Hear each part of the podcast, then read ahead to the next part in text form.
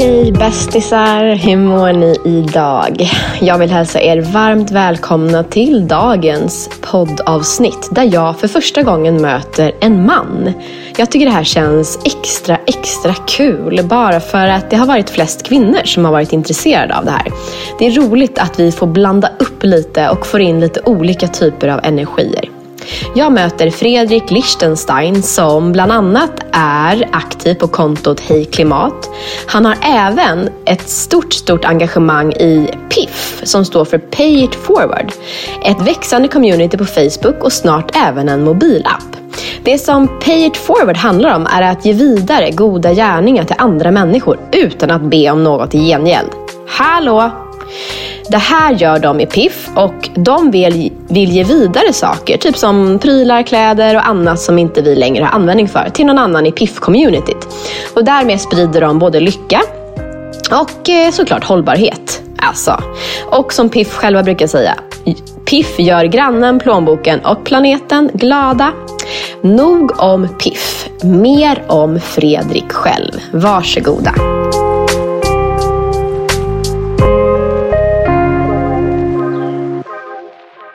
Varmt välkommen till Soul Coaching-podden, Fredrik. Tack så mycket.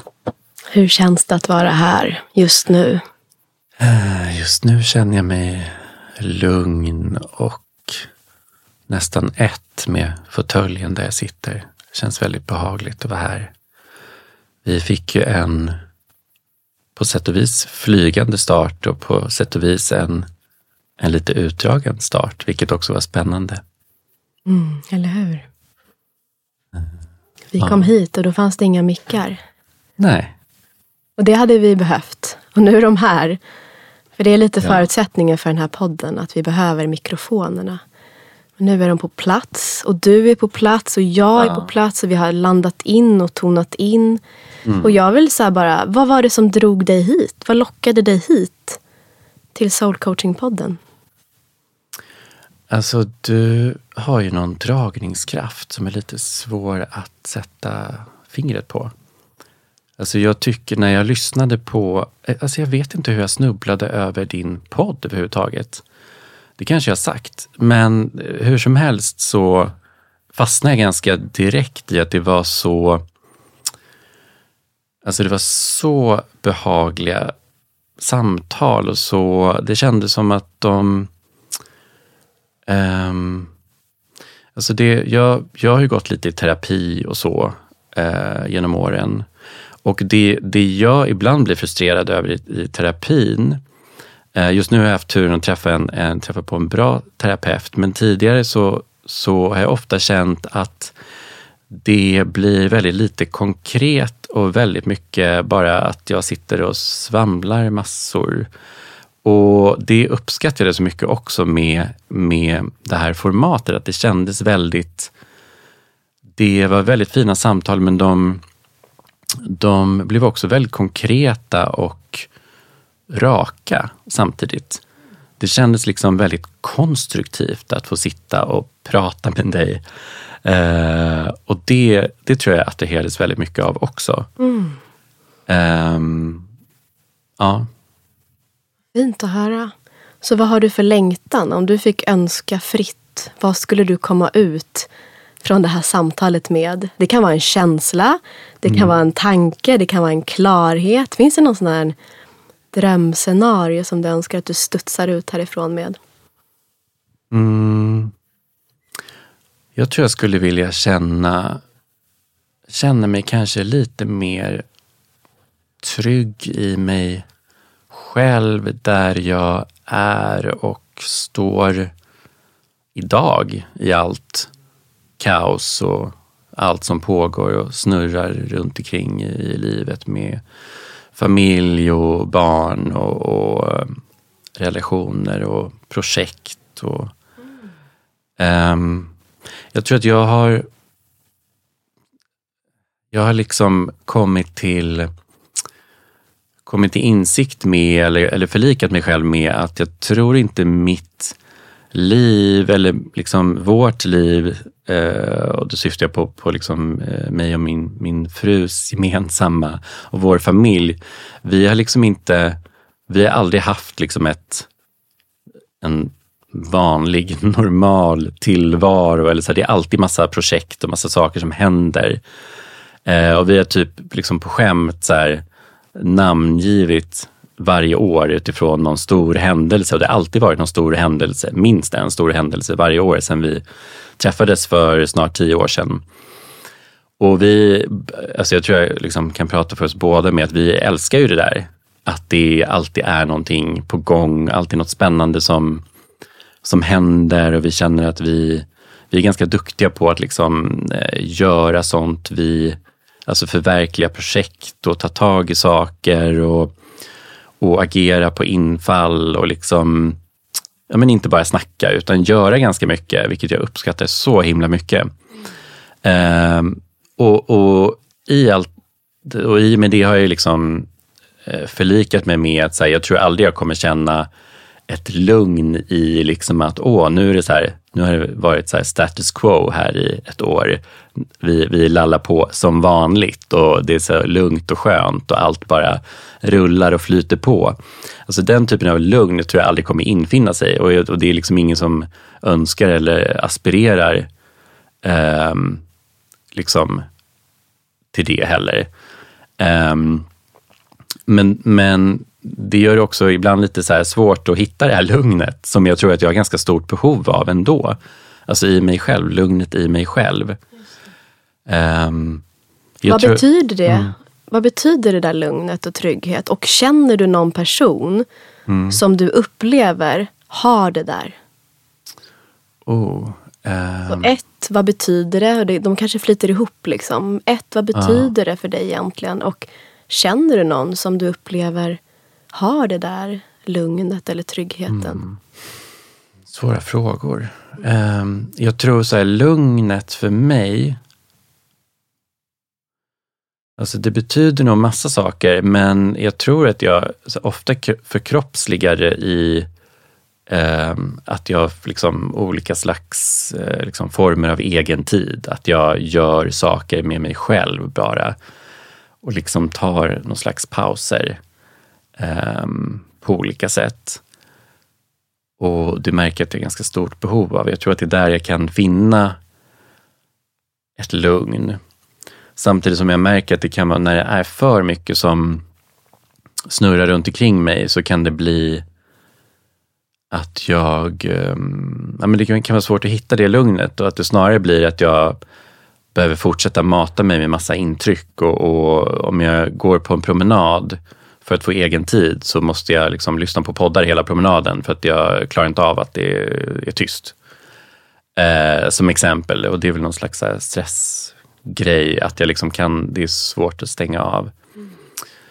Men alltså någon, eh, någon person som utstrålar det här eller känner det här lugnet? Nej, jag vet inte riktigt. Så du har ingen förebild eller någon du ser på som du känner, ah okej, okay. vad gör hon eller han? Ja, nej. Jag har nog inte, alltså det här, jag, ehm, jag tror, jag har nog ganska eh, liksom sent i livet eh, börjat utforska eh, de här bitarna och liksom skiftat fokus ganska mycket från att vara väldigt så um, men ganska så liksom karriärorienterad eller ganska så här att prestera i professionella sammanhang och värdera den typen av egenskaper väldigt högt. Jag var typiskt liksom så här duktig i skolan och fick höga betyg och mm, liksom gick bra skolor och skulle och pluggade vidare och hade höga ambitioner. Har du pluggat med någonting för lyssnarna? Kan det vara spännande att få ta del av? Jo, men det kan vara spännande för det är lite så här någon slags kontrast som jag upplever nu också. Um, alltså jag är ju eh, civilekonom. Mm, jag också. Ah, spännande.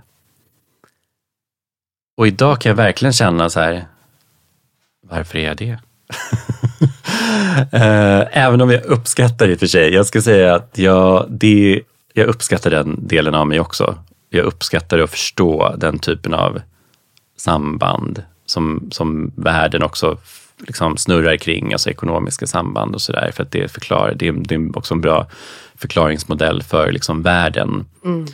Eh, samtidigt som jag så här, i efterhand kan känna, bara, men alltså när jag för länge sedan valde mellan att, att liksom studera siffror och studera typ naturen. Det är ändå, det är ändå något märkligt i, i det valet. Utifrån vad jag, vad jag liksom står idag, att jag känner att så här, nu, eh, jag vet inte, senaste åren har jag liksom börjat ifrågasätta väldigt mycket vad som är viktigt egentligen och vad som är... Och jag kanske inte köper heller, jag köper inte alltid modellen som eh, vare sig den ekonomiska modellen eller, eller andra Är det samhällsmodeller. utbud och efterfrågan vi pratar om? Alla möjliga modeller. Absolut. Det enda som kom upp för mig när du hör. Utbud, efterfrågan, ständig tillväxt. Det finns alla möjliga som, är, som kanske inte är helt så här, som egentligen är väldigt mycket hittepå om man får vara lite provocerande. Men det är ju det är ju liksom modeller som vi människor har hittat på. Eh, och som ett sätt såklart att organisera oss och, och fungera tillsammans. Men det är ju det är fortfarande modeller vi har hittat på. Eh, medans, om vi nu, tar, nu drog jag till med att liksom studera naturen, men, men det, om man ändå tar den så här, eh, någon slags eh, skiljelinje. Jag, jag vet att jag tog så här aktivt avstånd från att jag inte skulle plugga natur på gymnasiet. Liksom. För att jag minsann skulle plugga samekonomi. För jag skulle bli ekonom visste jag redan då och sen pluggade jag vidare och sådär. Det är så här, naturen, eller naturvetenskapen gör ju ändå liksom ett försök till att förklara naturen och så här, observera naturen och att vi ska liksom förstå naturen för att kunna ja, men det känns på något vis vettigare att leva tillsammans i den. Eh, men sådana där eh, tankar har jag fått mycket senaste åren och det stökar ju till det mycket för en ekonom. Jag vet inte om du känner igen dig? Lite grann. Lite grann. Eh, och eh, ehm, ja. Jag vet knappt var vi börjar någonstans nu. Ja, och det här är jättebra. Nu landar vi i förvirringen. ja. För här är inte du van att vara. Nej, Var landar i den? Oj då, var hamnar vi nu? Oj, hur Precis. känns den här förvirringen i mig? Jag som alltid har koll på läget. ja. Och så ser jag att du går upp i huvudet nu, försöker leta information. Och så provar du att lägga en hand på hjärtat. Mm. Och så kan du sluta dina ögon. Mm. Mm. Okej, vi har påbörjat ett samtal. Mm. Där du inledde om en längtan kring trygghet.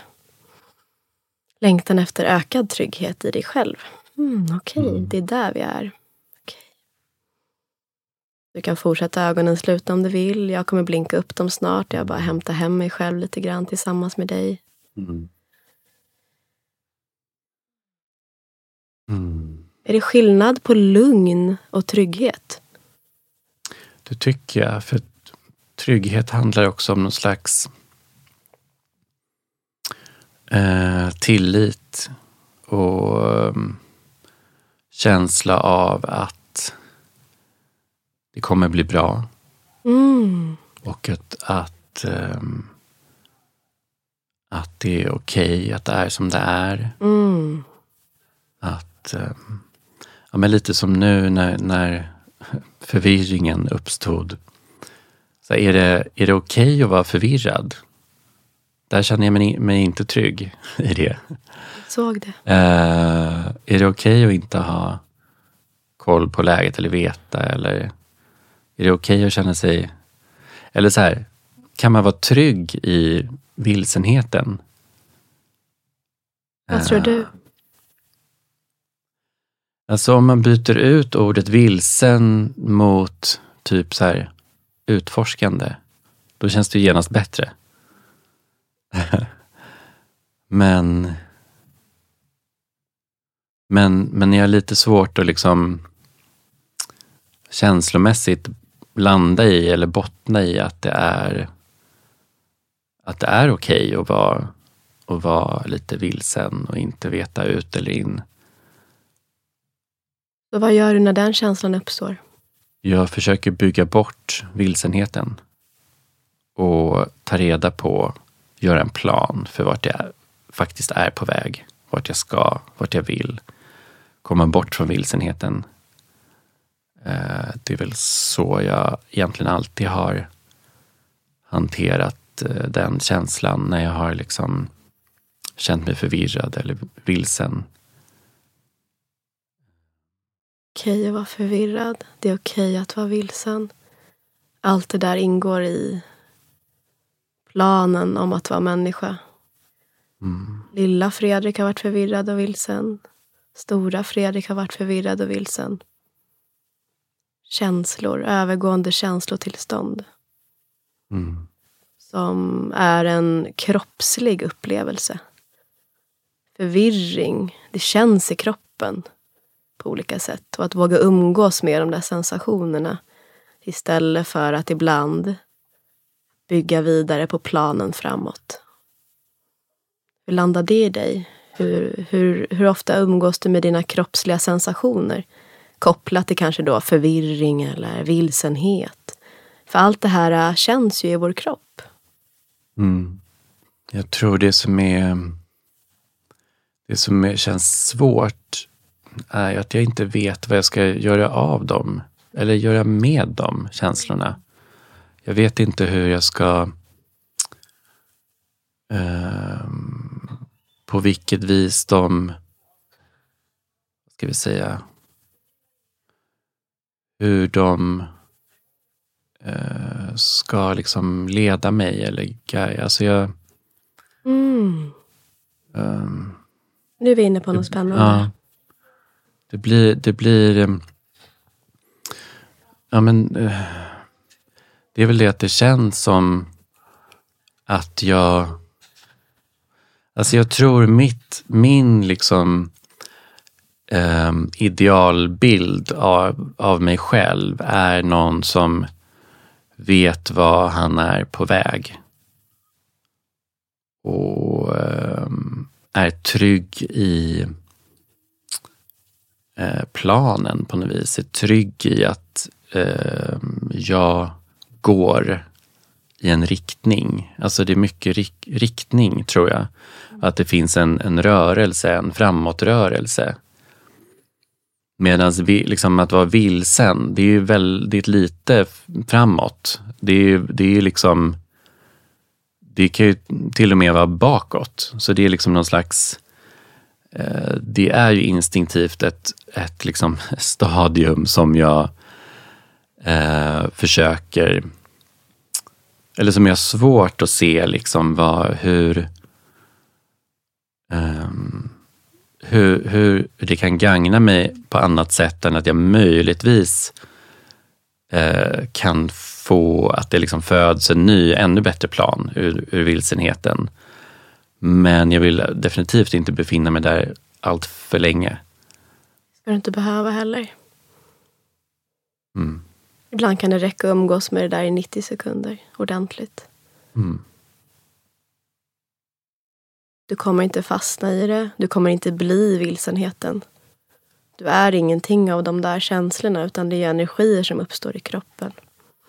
Och det är inte farligt att känna dem. Vad tänker du om det? Tycker du det känns farligt mm. att känna dem? Finns det någon liksom del i dig som känner så här, oh nej, oh det här, ah, oh. Lite som du vet, mm. eld eller uh, oh, det här känns lite... Alltså jag tror, det känns inte farligt att känna de känslorna. Men det känns definitivt farligt att stanna kvar i dem. För att det är som att det glider in och blir... Alltså det, det jag nog kan vara rädd för är att det plötsligt blir en del av min självbild att jag plötsligt är en vilsen människa och inte en målmedveten människa eller någon som har ett, ett eh, syfte och en, en, en tydlig, liksom, tydligt motiv, en ambition och, och som är på väg någonstans. Och, mm. och har liksom ett... För, för mig blir det något slags här existensberättigande. Att man har, har de där bitarna på plats. Och allt annat blir bara någon slags i väntan på. Och jag tror det blir nog lite jobbigt när jag känner det lite för mycket kanske, lite för ofta, lite för länge. Att det är som att jaha, men vad gör jag här? Vad, vad, alltså, jag tillför ju ingenting när jag går runt och är vilsen. Det gör ju ingen glad. Eh, den känslan lite. Um, Så den vilsna Fredrik får inte ha någon plats riktigt? Nej. Uh, han som inte vet. Han som funderar, han som säger jag vet inte. Ja. Stämmer det? Det kan nog stämma. Så för att vara målmedveten, då ska man helst aldrig uppleva en känsla av att vara vilsen. Har jag förstått dig rätt då? Alltså i... Ja, nästan. Alltså, min känsla är att ja, om vilsenheten är ett redskap i den, den stora planen för att skruva lite på planen så är det okej. Okay. Mm. eh, mm. men då är det, det är nästan en del av liksom arbetsprocessen. Då är det ju inga konstigheter. Att det är så här, ja men nu ska vi vara vilsna här ett tag. Eh, därför att det behövs för att vi ska bli kreativa och ifrågasätta och sådär. Men jag tror det finns en ganska stor skillnad där mellan att det är kanske inte riktigt att vara vilsen på riktigt. Alltså det, det är inte så himla vilset.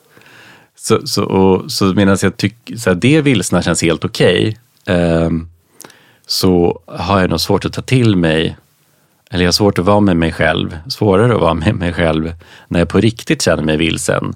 Har du gjort det någon gång? Ett, uh, ut eller in. Ja, men jag har, alltså det är lite som att här, ju mer jag har, alltså så här, jag, um, jag har ändå blivit ganska bra på att ifrågasätta saker på eh, sistone, mer och mer i mitt liv. Eh, alltså egentligen allt sedan jag eh, träffade min fru så vi är väldigt liksom, duktiga på, vi pratar mycket med varandra och vi pratar mycket om liksom, hur vi fungerar var och en och i vår relation. och, och Ehm, vi läser liksom böcker tillsammans om personlig utveckling och, och relationer och så. Um, men det är nästan som att jag kan få ibland känslan av att så här, det är lite så här den, den eh, ja men det är lite så här The Matrix. Den upplystes eh, liksom gissel. Att så här, eh, jag är så, ibland känner jag mig liksom obekvämt medveten om saker och ting så att det blir jobbigt. Att jag kan nästan att jag ifrågasätter för mycket eller att det blir liksom mm. att jag har försatt mig i ja, men jag försätter mig i liksom någon slags vilsenhet för att jag liksom har ja, men jag, jag har liksom tagit det där vad är det, blåa pillret eller vad det är och kan inte riktigt eh, blunda för eh, ja, men vi, här, vi snuddade vid det tidigare, så här, att jag, det, jag kanske inte ens köper allt det jag lärde mig på universitetet om ekonomiska modeller. Det är egentligen bara ett, ett så här, halvtaskigt exempel på att, eh, och det kanske också så här, ju äldre man blir, man får barn och så här, livserfarenheter gör att man, man kanske blir mer så här, ja världen är inte svart eller vit. Mm. Det, det mesta är ganska komplext egentligen och det är så här, um, det finns inga enkla lösningar, enkla svar. Och jag tror jag kan nog känna att, att um, ibland att den um, att jag, att jag liksom, uh, jag vet inte om jag själv gör mig själv en otjänst nästan ibland att bli så här för ifrågasättande och för att, det, att jag skapar också en vilsenhet hos mig själv. Mm. Uh, jag vet inte.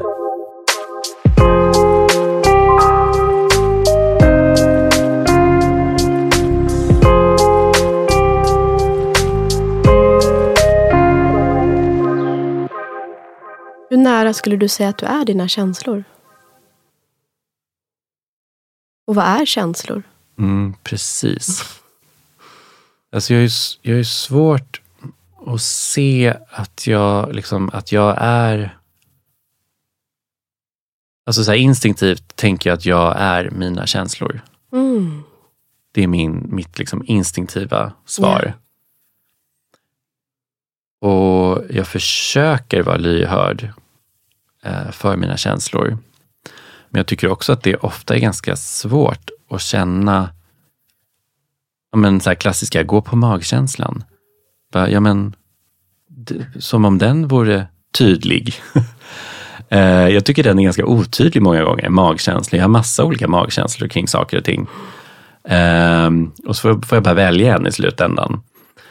Eh, jag, jag, kan så uppleva att den så här, känslokompassen är ganska svårnavigerad. Det, det är någon det är någon som så här, har en magnet som, som spökar mer än titt som tätt. Mm. Um, det kan också vara en stor skillnad ibland på magkänsla eller följa hjärtat och sin intuition versus känslor. Mm. Får jag spegla mig? Får jag mm. berätta hur jag tänker där? Ja. Magkänsla, eller om vi kallar det intuition eller att mm. vara hjärtledd. Mm. Det är ofta mer en en röst för många som liksom säger gå höger eller vänster. Nu är det inte så enkelt men vi går höger eller vänster. Mm. Medan känslor är mer energi som ständigt uppstår i olika situationer. Exempelvis kan det ju vara så att jag känner att mitt hjärta säger att jag ska eh, säga ja till den där middagen. Exempelvis. Jag känner mm. att någonstans så, ja, men det finns ett ja här i mig på något sätt. Mm. Men min känsla när jag kommer i kontakt med den tanken mm. kan ju vara att jag blir rädd. Mm. Så det där upplever det. jag i alla fall på min resa då, för att dra in mm. den lite kort bara, att de där känslorna kan bli så högljudda. Och när vi inte riktigt ger dem plats eller utrymme och säger hej, okej okay, jag ser dig, då blir de nästan ännu mer högljudda. Mm. Hallå, se mig, hallå. Mm. För de är typ som du vet barn eller människor, de vill, vill bli sedda. Mm. Och ofta när de bara blir sedda så är det så att de bara så ah, tack. Mm. Okej, okay. och då kan vi ofta komma i djupare kontakt med den här, mer, den här rösten som är mer, skulle jag säga, guidande. Mm. Mm, jag ska hit eller jag ska säga ja. För det är som att känslor ibland blir som ett de är så komplexa så de kan lägga sig lite som ett brus över den här mm. magkänslan eller intuitionen. Så de vill ofta bara bli sedda. Och det är inte så bara. I know it's hard work. Mm. För alla er som mm. lyssnar också som jobbar med att känna era känslor i kroppen. För det är där de också gör sig till känna. Det är, det är komplext arbete. Mm. Men ofta så kan det ibland hjälpa att se det som två olika saker. Att just jag har en guidande röst eller en guidande och i mitt hjärta vill nog det här. Oh, men samtidigt får jag upp en känsla av att det, det är läskigt kanske. Mm. Vad växer dig när jag delar det? Mm, nej men det, jag tycker det är spännande det du säger därför att alltså nu um, jag försöker ju Någonting som jag är liksom eh, aktivt medveten om att jag gör är att så utmana mina rädslor och försöka göra saker som är, känns läskiga och jobbiga. Men där kan jag ju lätt hamna i att jag bara försöker ignorera att jag känner mig rädd, snarare. Och jag upplever ju definitivt att rädslan inte går över genom att ignorera den, eh, av erfarenhet. Eh, så då blir min, så här, den naturliga följdfrågan, men hur tusan adresserar jag rädslan då, om vi tar det som exempel? Hur ska jag adressera den då på ett bra sätt för att den ska bli glad och nöjd och, och gå, gå och lägga sig? Mm, exakt. Vad fint att du ställer den frågan. Um, vet du vad rädsla, hur känns det i din kropp? Kan du liksom verbalt förklara för mig hur rädsla fysiskt känns i din kropp? Hur vet du att du är rädd? Bara kopplat till fysiska sensationer. Finns det något sådär typiskt Fredrik-kännetecken av att du vet att du är rädd? Mm, alltså om jag ska försöka, jag vet inte om det finns något så här supertypiskt kännetecken, men om jag ska placera det någonstans i kroppen, i liksom fysisk känsla, så är det nog mycket, alltså jag spänner liksom axlar mm. och eh, käke ja. och, och liksom ja, att jag spänner mig, drar upp axlarna och ja, så. Puls eller säga. hjärta och andning, har du noterat det någonting? Nej, det tror, det tror jag inte så mycket. Nej. Den tror jag är, den, den är liksom, den lunkar på. Den lunkar på. Mm. Ibland kan det vara så när man, särskilt om axlarna blir påverkade, mm. så brukar andningen haka på. Mm. Antingen att den nästan liksom att man slutar andas eller att man börjar andas väldigt snabbt och mm. ytligt för att axlarna påverkar liksom andnings andningsfunktionen. Mm. Okej, så vi har axlar och vi har lite käkar. Mm. Ah, Okej. Mm. Då har vi fysiska sensationer kopplat. Det vi vill göra är att vi vill lära känna känslan. Vi vill, vill förstå den mer och visa på att okej, jag ser dig. Det är okej att du är här. Så ett första steg är alltid egentligen att så här, vad heter recognize på svenska? Eh, alltså, ehm, men gud. Um, alltså, mm. lära, nej. Jag vet inte. Ja. Om identifiera. ja, identifiera. Tack. Ja. Tack. Vi kunde ja, inte gå vidare skönt. annars. Nej, ja, nej, vi hade jag fastnat jag- där. Det var som en förstoppning. Ja. Nu Mm. fick vi bajsa äntligen. Skönt. Mm. Så identifiera. Och det första är ju så fint. Och det är ofta här vi hoppar över. Det gjorde jag i flera år. Jag hoppade över det här steget med att förstå att känslorna har en fysisk sensation i kroppen. Jag tänkte ju mycket i huvudet och sådär. Och det tror jag många kan relatera till. Att man försökte få kontakt med känslan utifrån ett väldigt mentalt perspektiv. För det, det är mycket läskigare egentligen att gå ner i kroppen känns det först. För det är lite som att tappa kontrollen. Här har vi ju våra kontrollmekanismer uppe i huvudet. Men att våga dumpa ner uppmärksamheten i kroppen och bara okej, du har identifierat nu att rädslan, ja men okej, jag spänner mig lite i käkarna, jag, jag lyfter mina axlar. Ett nästa steg för dig kan ju också vara att utforska lite andningen nästa gång du blir lite rädd eller orolig. Vad händer med min andning nu? Bara bli mer liksom, egentligen det det handlar om, det är att bygga upp en ännu tryggare relation mellan dig och din kropp. Och här kommer vi in på ett ord du pratade om i början, trygghet. Så genom att börja ge plats och identifiera våra känslor så bygger vi upp tilliten till vår egen kropp. Och vi bygger också upp en känsla av att det är tryggt att känna. Mm. Många av oss lider av känslofobi. Det har jag gjort i många, många år. Så det är som att varje gång vi känner en känsla vi inte riktigt vill kännas vid så är det som att vi har typ en intern huggorm, om vi nu har ormfobi, som kommer inom oss och bara ah, Mm. det här vill jag inte åt. Att vi behöver våga bekanta oss med våra fysiska sensationer.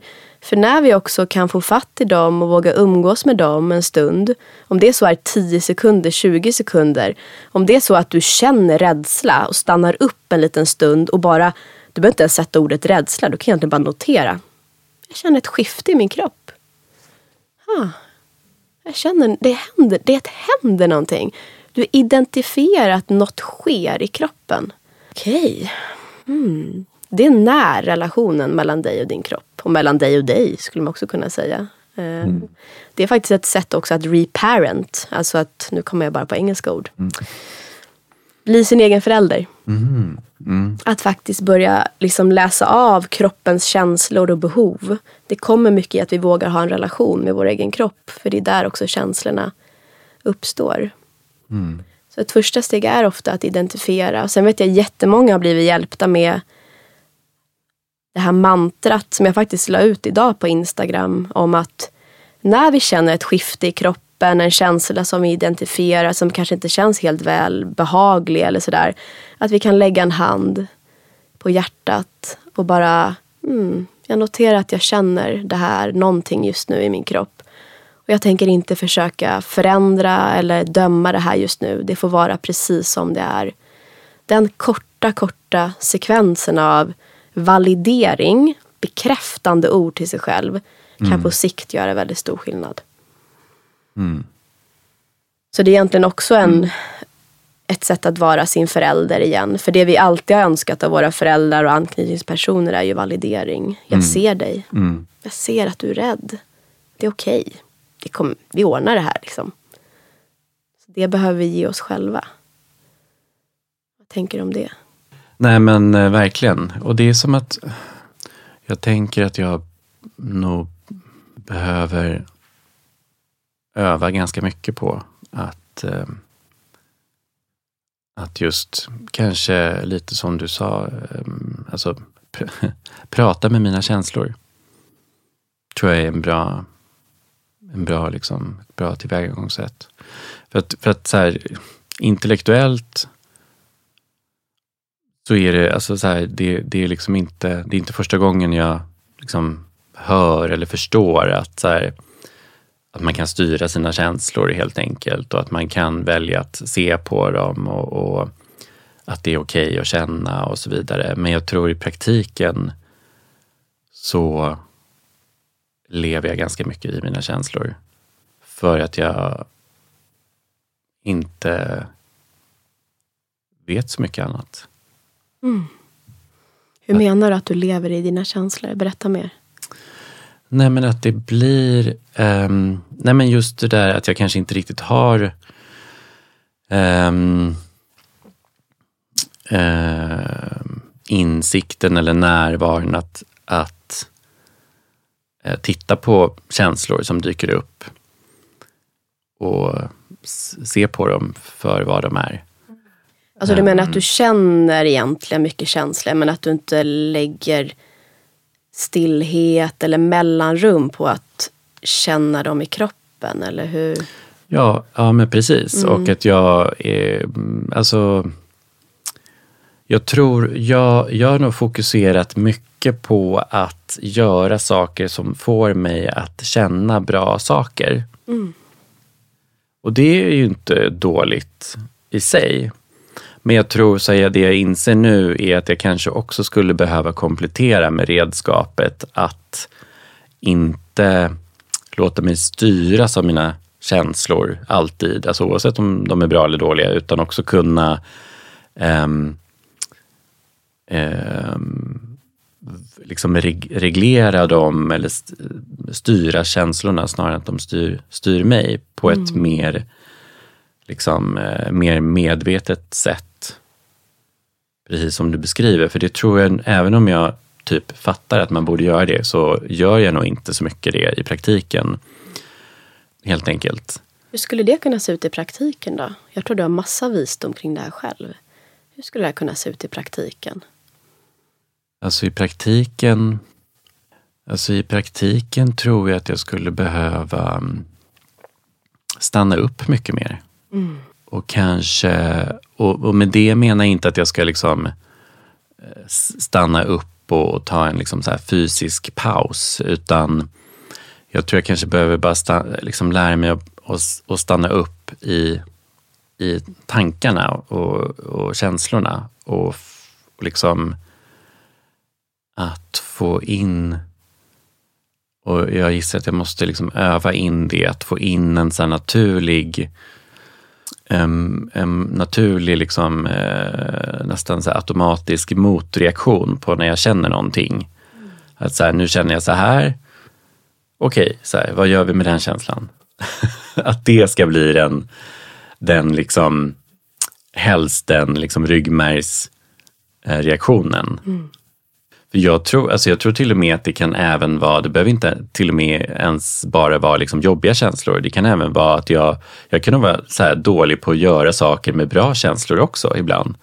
Att så här, för jag tror jag är, eller så här, och det kanske också är någon slags så här, mm, att jag har någon slags så här bild av att man inte bör vara så himla känslosam och så himla upp och ner utan att det är liksom eftersträvansvärt att vara ganska så här rak linje, liksom, ganska så här i, i, i mitten.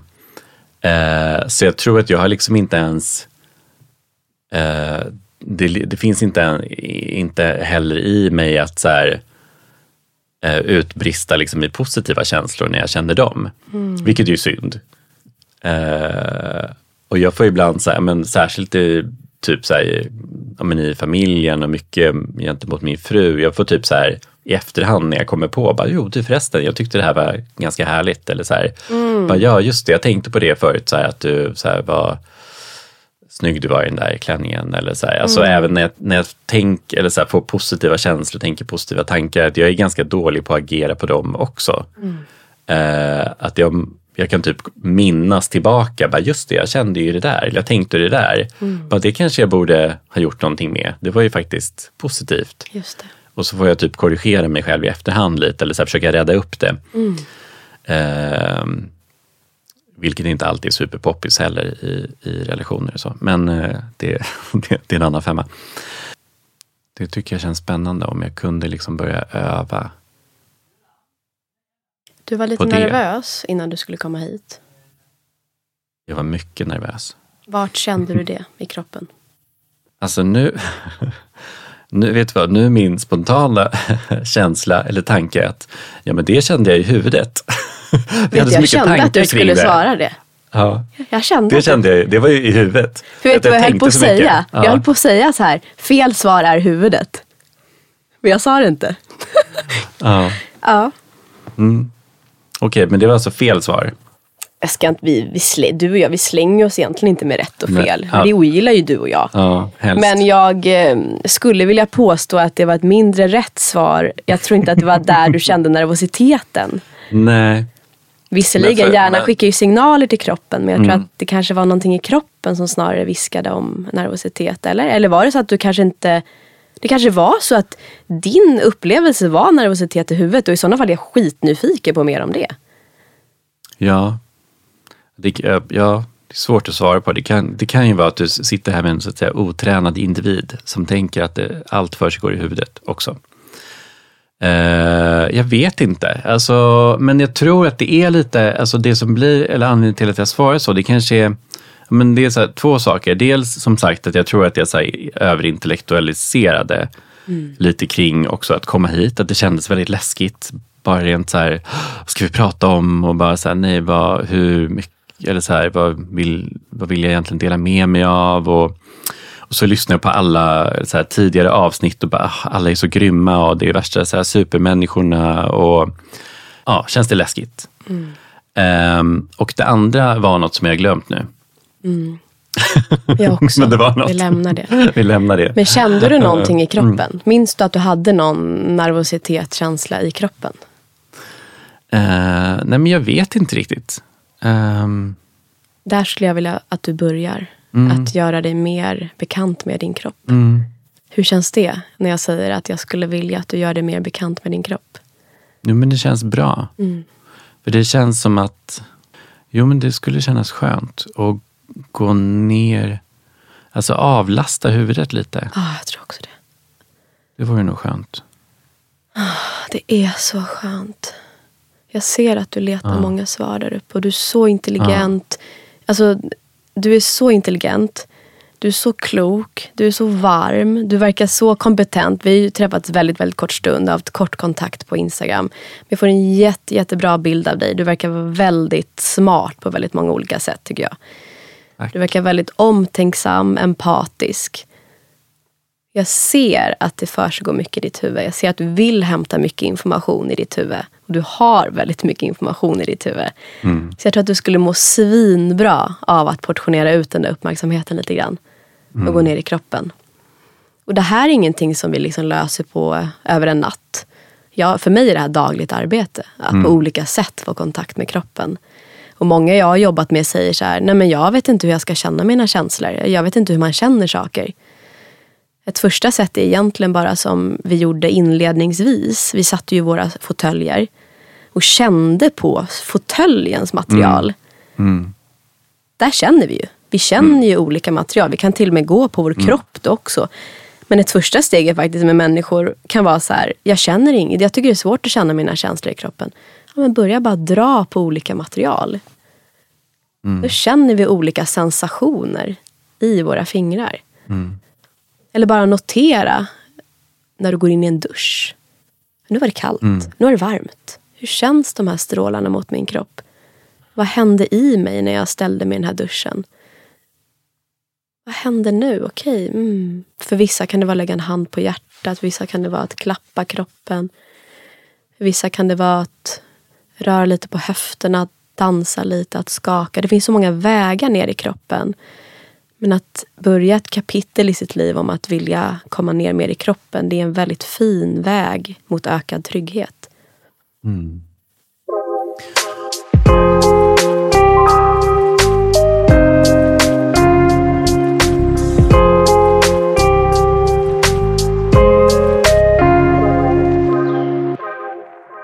Skulle du säga, för, för jag, nu, jag kan inte låta bli att tänka, eh, kan vi prata lite om att duscha? Eh, ehm, för där är verkligen en sån, ett så exempel. Jag, alltså jag duschar normal, varmt, behagligt. Och ibland så avslutar jag med en riktigt kall dusch. Men jag känner att jag måste vara, jag måste liksom vara stark i mig själv innan jag vågar göra det. För jag är liksom rädd för, när jag känner mig liksom skör, då är jag liksom rädd för att, för att utsätta mig själv för det här. För att det, det känns som att det ska bli en så här känslo-overload på något vis. Eller att jag ska att så här, det här kommer inte min kropp eller mitt psyke kommer inte, det är snarare mitt psyke kommer inte klara av det här. Just det. det blir för mycket. Mm. Um, och jag vet inte, jag bara, jag vet inte, jag bara kom att tänka på det när du sa det här med att liksom gå ner i kroppen och Alltså så här, jag vet inte om det vittnar om något slags komplicerat förhållande till kropp och känslor. Mm. Kanske. Um, Om vi tänker från ett föräldraperspektiv. Mm. Var vi leker med tanken att du mm. står där i duschen. Och så mm. tänker vi ett föräldraperspektiv som är så här. Du, någonstans så vet vi, ja men kalldusch det har ju många fördelar mm. och så vidare. och så mm. vidare. Men så tänker du på det du känner där i duschen när du står där och så här, känner lite kanske skör eller extra bräcklig eller någonting mm. sådär. Kanske vilsen eller mm. vad det nu kan vara. Och så har du det här valet om att gå från liksom 38 grader kanske ner till ja, vad går vi ner till när du kallduschar? Kanske en... Jag, jag vet inte. Kallaste? Ja, kallaste, ja. kallaste.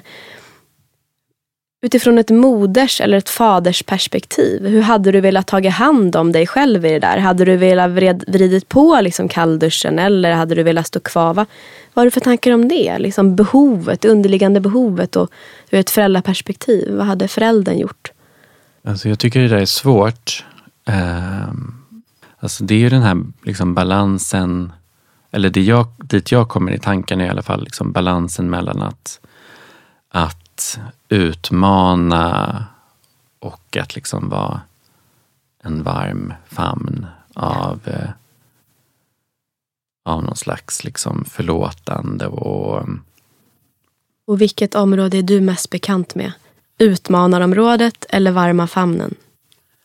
Alltså varma famnen helt och hållet. Jag, jag höll ju nästan på att säga att så här, varma famn och trygghet.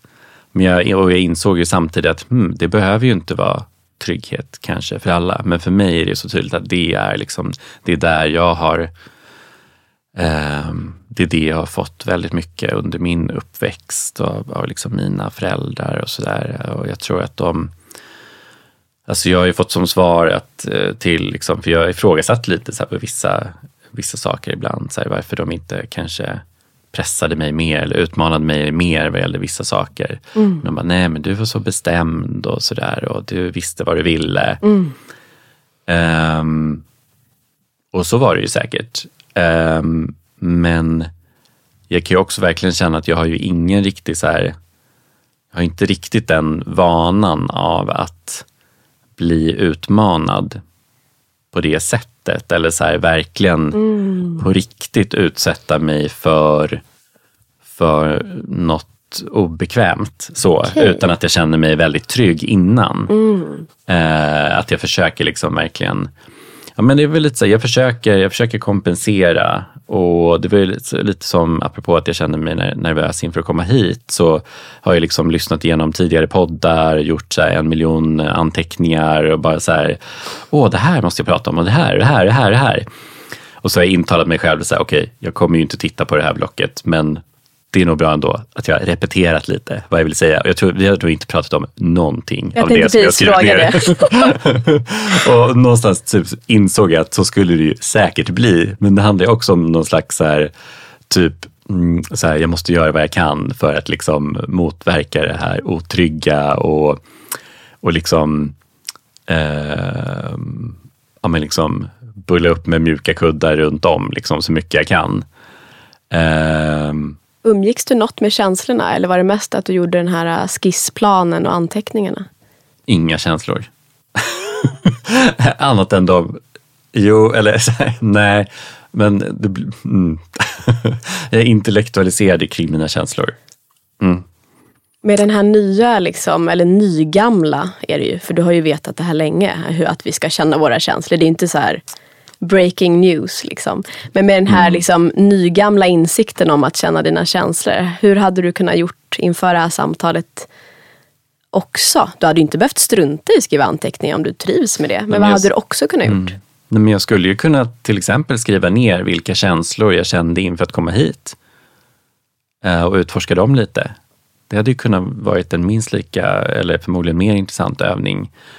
Och det skulle ju ha kunnat resultera i att jag, in, alltså så här, att jag kunde se på de känslorna lite mer, eh, vad ska vi säga, objektivt.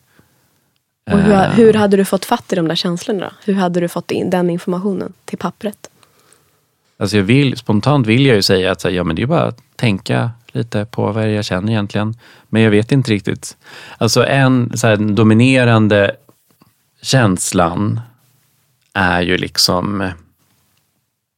Eller så här, jag, har ju lär, jag har ju lärt mig att alla, alla liksom känslor kokar ner till kärlek eller rädsla. Så enkelt uttryckt kan man ju säga att ja, men det är ju rädsla. Sen finns det ju massa kanske så här underkänslor, Ja, nyanser. bikänslor Mm. eh, som är förgreningar därifrån. Mm. Eh, men jag tror jag, jag så här, hade ju nog hoppat på rädslokänslan och försökt liksom eh, men det är ju också så här, så här, det är ju lätt att hamna i då att så här, aha, varför är jag, alltså att det blir en intellektuell, intellektualisering också. Och den, den Ja. är bra. Aha. Du ska intellektualisera om du vill, men du gör inte det första skedet. Nej, okej. Första skedet så vill känslan bli känd i kroppen. Det är Mm. Just där det. vi Ja. hämtar informationen. Hur känns det i min kropp Mm. och i mitt hjärta bultar. Det trycker lite i magen, det spänner i mina axlar. Mm, okej, det är okej att jag känner så här. Sen är ett senare skede för att förstå känslan och kunna sätta en label, alltså en etikett på den. Då är det jättefint att du har ditt, din kognitiva och intellektuella förmåga. För den, den kan vi behöva koppla in. För om du och jag ska kunna prata om dina känslor, då kan du ha behövt intellektualisera dem och kunna sätta ord på dem. Men det första som sker är att du noterar ett skifte, ett, fysiskt skifte i kroppen. Mm. Någonting händer här, jag spänner mig eller jag får en puls eller det trycker i magen. Mm. Jag låter det existera. Okej, utforska det. Sitta med det en stund. 90 sekunder kanske. Och ibland har vi 10 sekunder men liksom det... Mm. Sen kan vi absolut ta stora vinster på att intellektualisera. Varför hände det där? Vad var det? Jag, vad var det? Vad var det som hände innan? Ah, Okej, men det var att den där personen skrek. Ja, men då kanske jag blev lite rädd. Ja, men okej. Det var nog rädsla jag kände. Att Första skedet är det här liksom mötet med kroppen. Så det är inget fel med ditt intellekt. Det är jättebra att du har det. Men att ibland är vi lite snabba på det. Mm. Alltså jag får ju ofta, ofta hejda mig i, liksom, jag tänker att det är starkt relaterat till liksom att jag ofta går direkt på lösningen när det är någonting. Eh, och att så här, där får jag ju, nu har, nu har jag börjat, eh, eller både jag och min fru har börjat så här, eh, anamma att så här, när, det, när det är något, eller när den ena liksom är Oftast är det om man känner, liksom, känner någon, någon jobbig känsla. Eh, att vi frågar varandra så här, vi, vill du ha stöd eller lösning? För att, så, och, så där får jag liksom, ja, där kan jag hejda mig lite. Men instinktivt går jag alltid direkt på lösningen och bara så här, ja men vi kan göra så här istället. Eh, eller så här, eller så här, eller så här, så här. Eh, och det kan ju få liksom fatala konsekvenser eh, när det inte är det som efterfrågas överhuvudtaget. Så den där frågan vill jag att du ställer ofta till dig själv. Och Mm. du riktar extra fokus mot, mot att typ 90% av gångerna ska svaret vara stöd först. Mm. Precis. Alltid börja med stöd. Mm. Sen kan en lösning få komma. Mm. Så jag börjar med att stötta, hålla. Sen kan jag komma till lösning. Särskilt när det kommer till Precis. relationen mellan dig och dig. Mm. Mm. Mm. Den är bra. Vi börjar liksom närma oss en slags slut. Mm. Känner jag. Fast det är också en början. Mm. Mm. Vad plockar du med dig från det här samtalet? Att prata mer med mina känslor. Adressera dem och ge dem uppmärksamhet. Och eh, ja, men kanske ta dem på lite mer allvar. Att de, är, att de får, alla känslor får finnas. Ehm, och inte försöka trycka undan dem eller liksom välja bort känslor för att de inte är liksom värdiga att finnas utan att det, det um, alla känslor är, liksom har sitt uh, existensberättigande, har sin orsak till att de kommer upp. Liksom. Mm. Och du för, är inte mm. dem. Nej. Och det tror jag att jag kanske förhoppningsvis kan landa i lite mer och känna mera om jag blir lite bättre på att se på känslorna på det sättet. Då kan det också bli mer naturligt att det inte är jag inte är dem lika mycket. Tack för dig. Tack för dig. Tack för det här samtalet. Tack själv. Det var kul att ha dig här. Det var en stor ära att få sitta så här och mysa tillsammans en, en timme nu. Det var jättespännande. Mm. Lite läskigt, mm. men mysigt också. Du, eh, det var fantastiskt att prata med dig och tack till alla som lyssnade på dagens avsnitt. Tack till alla er som fortsätter recensera och dela podden. Vi hörs snart igen. Puss och kram!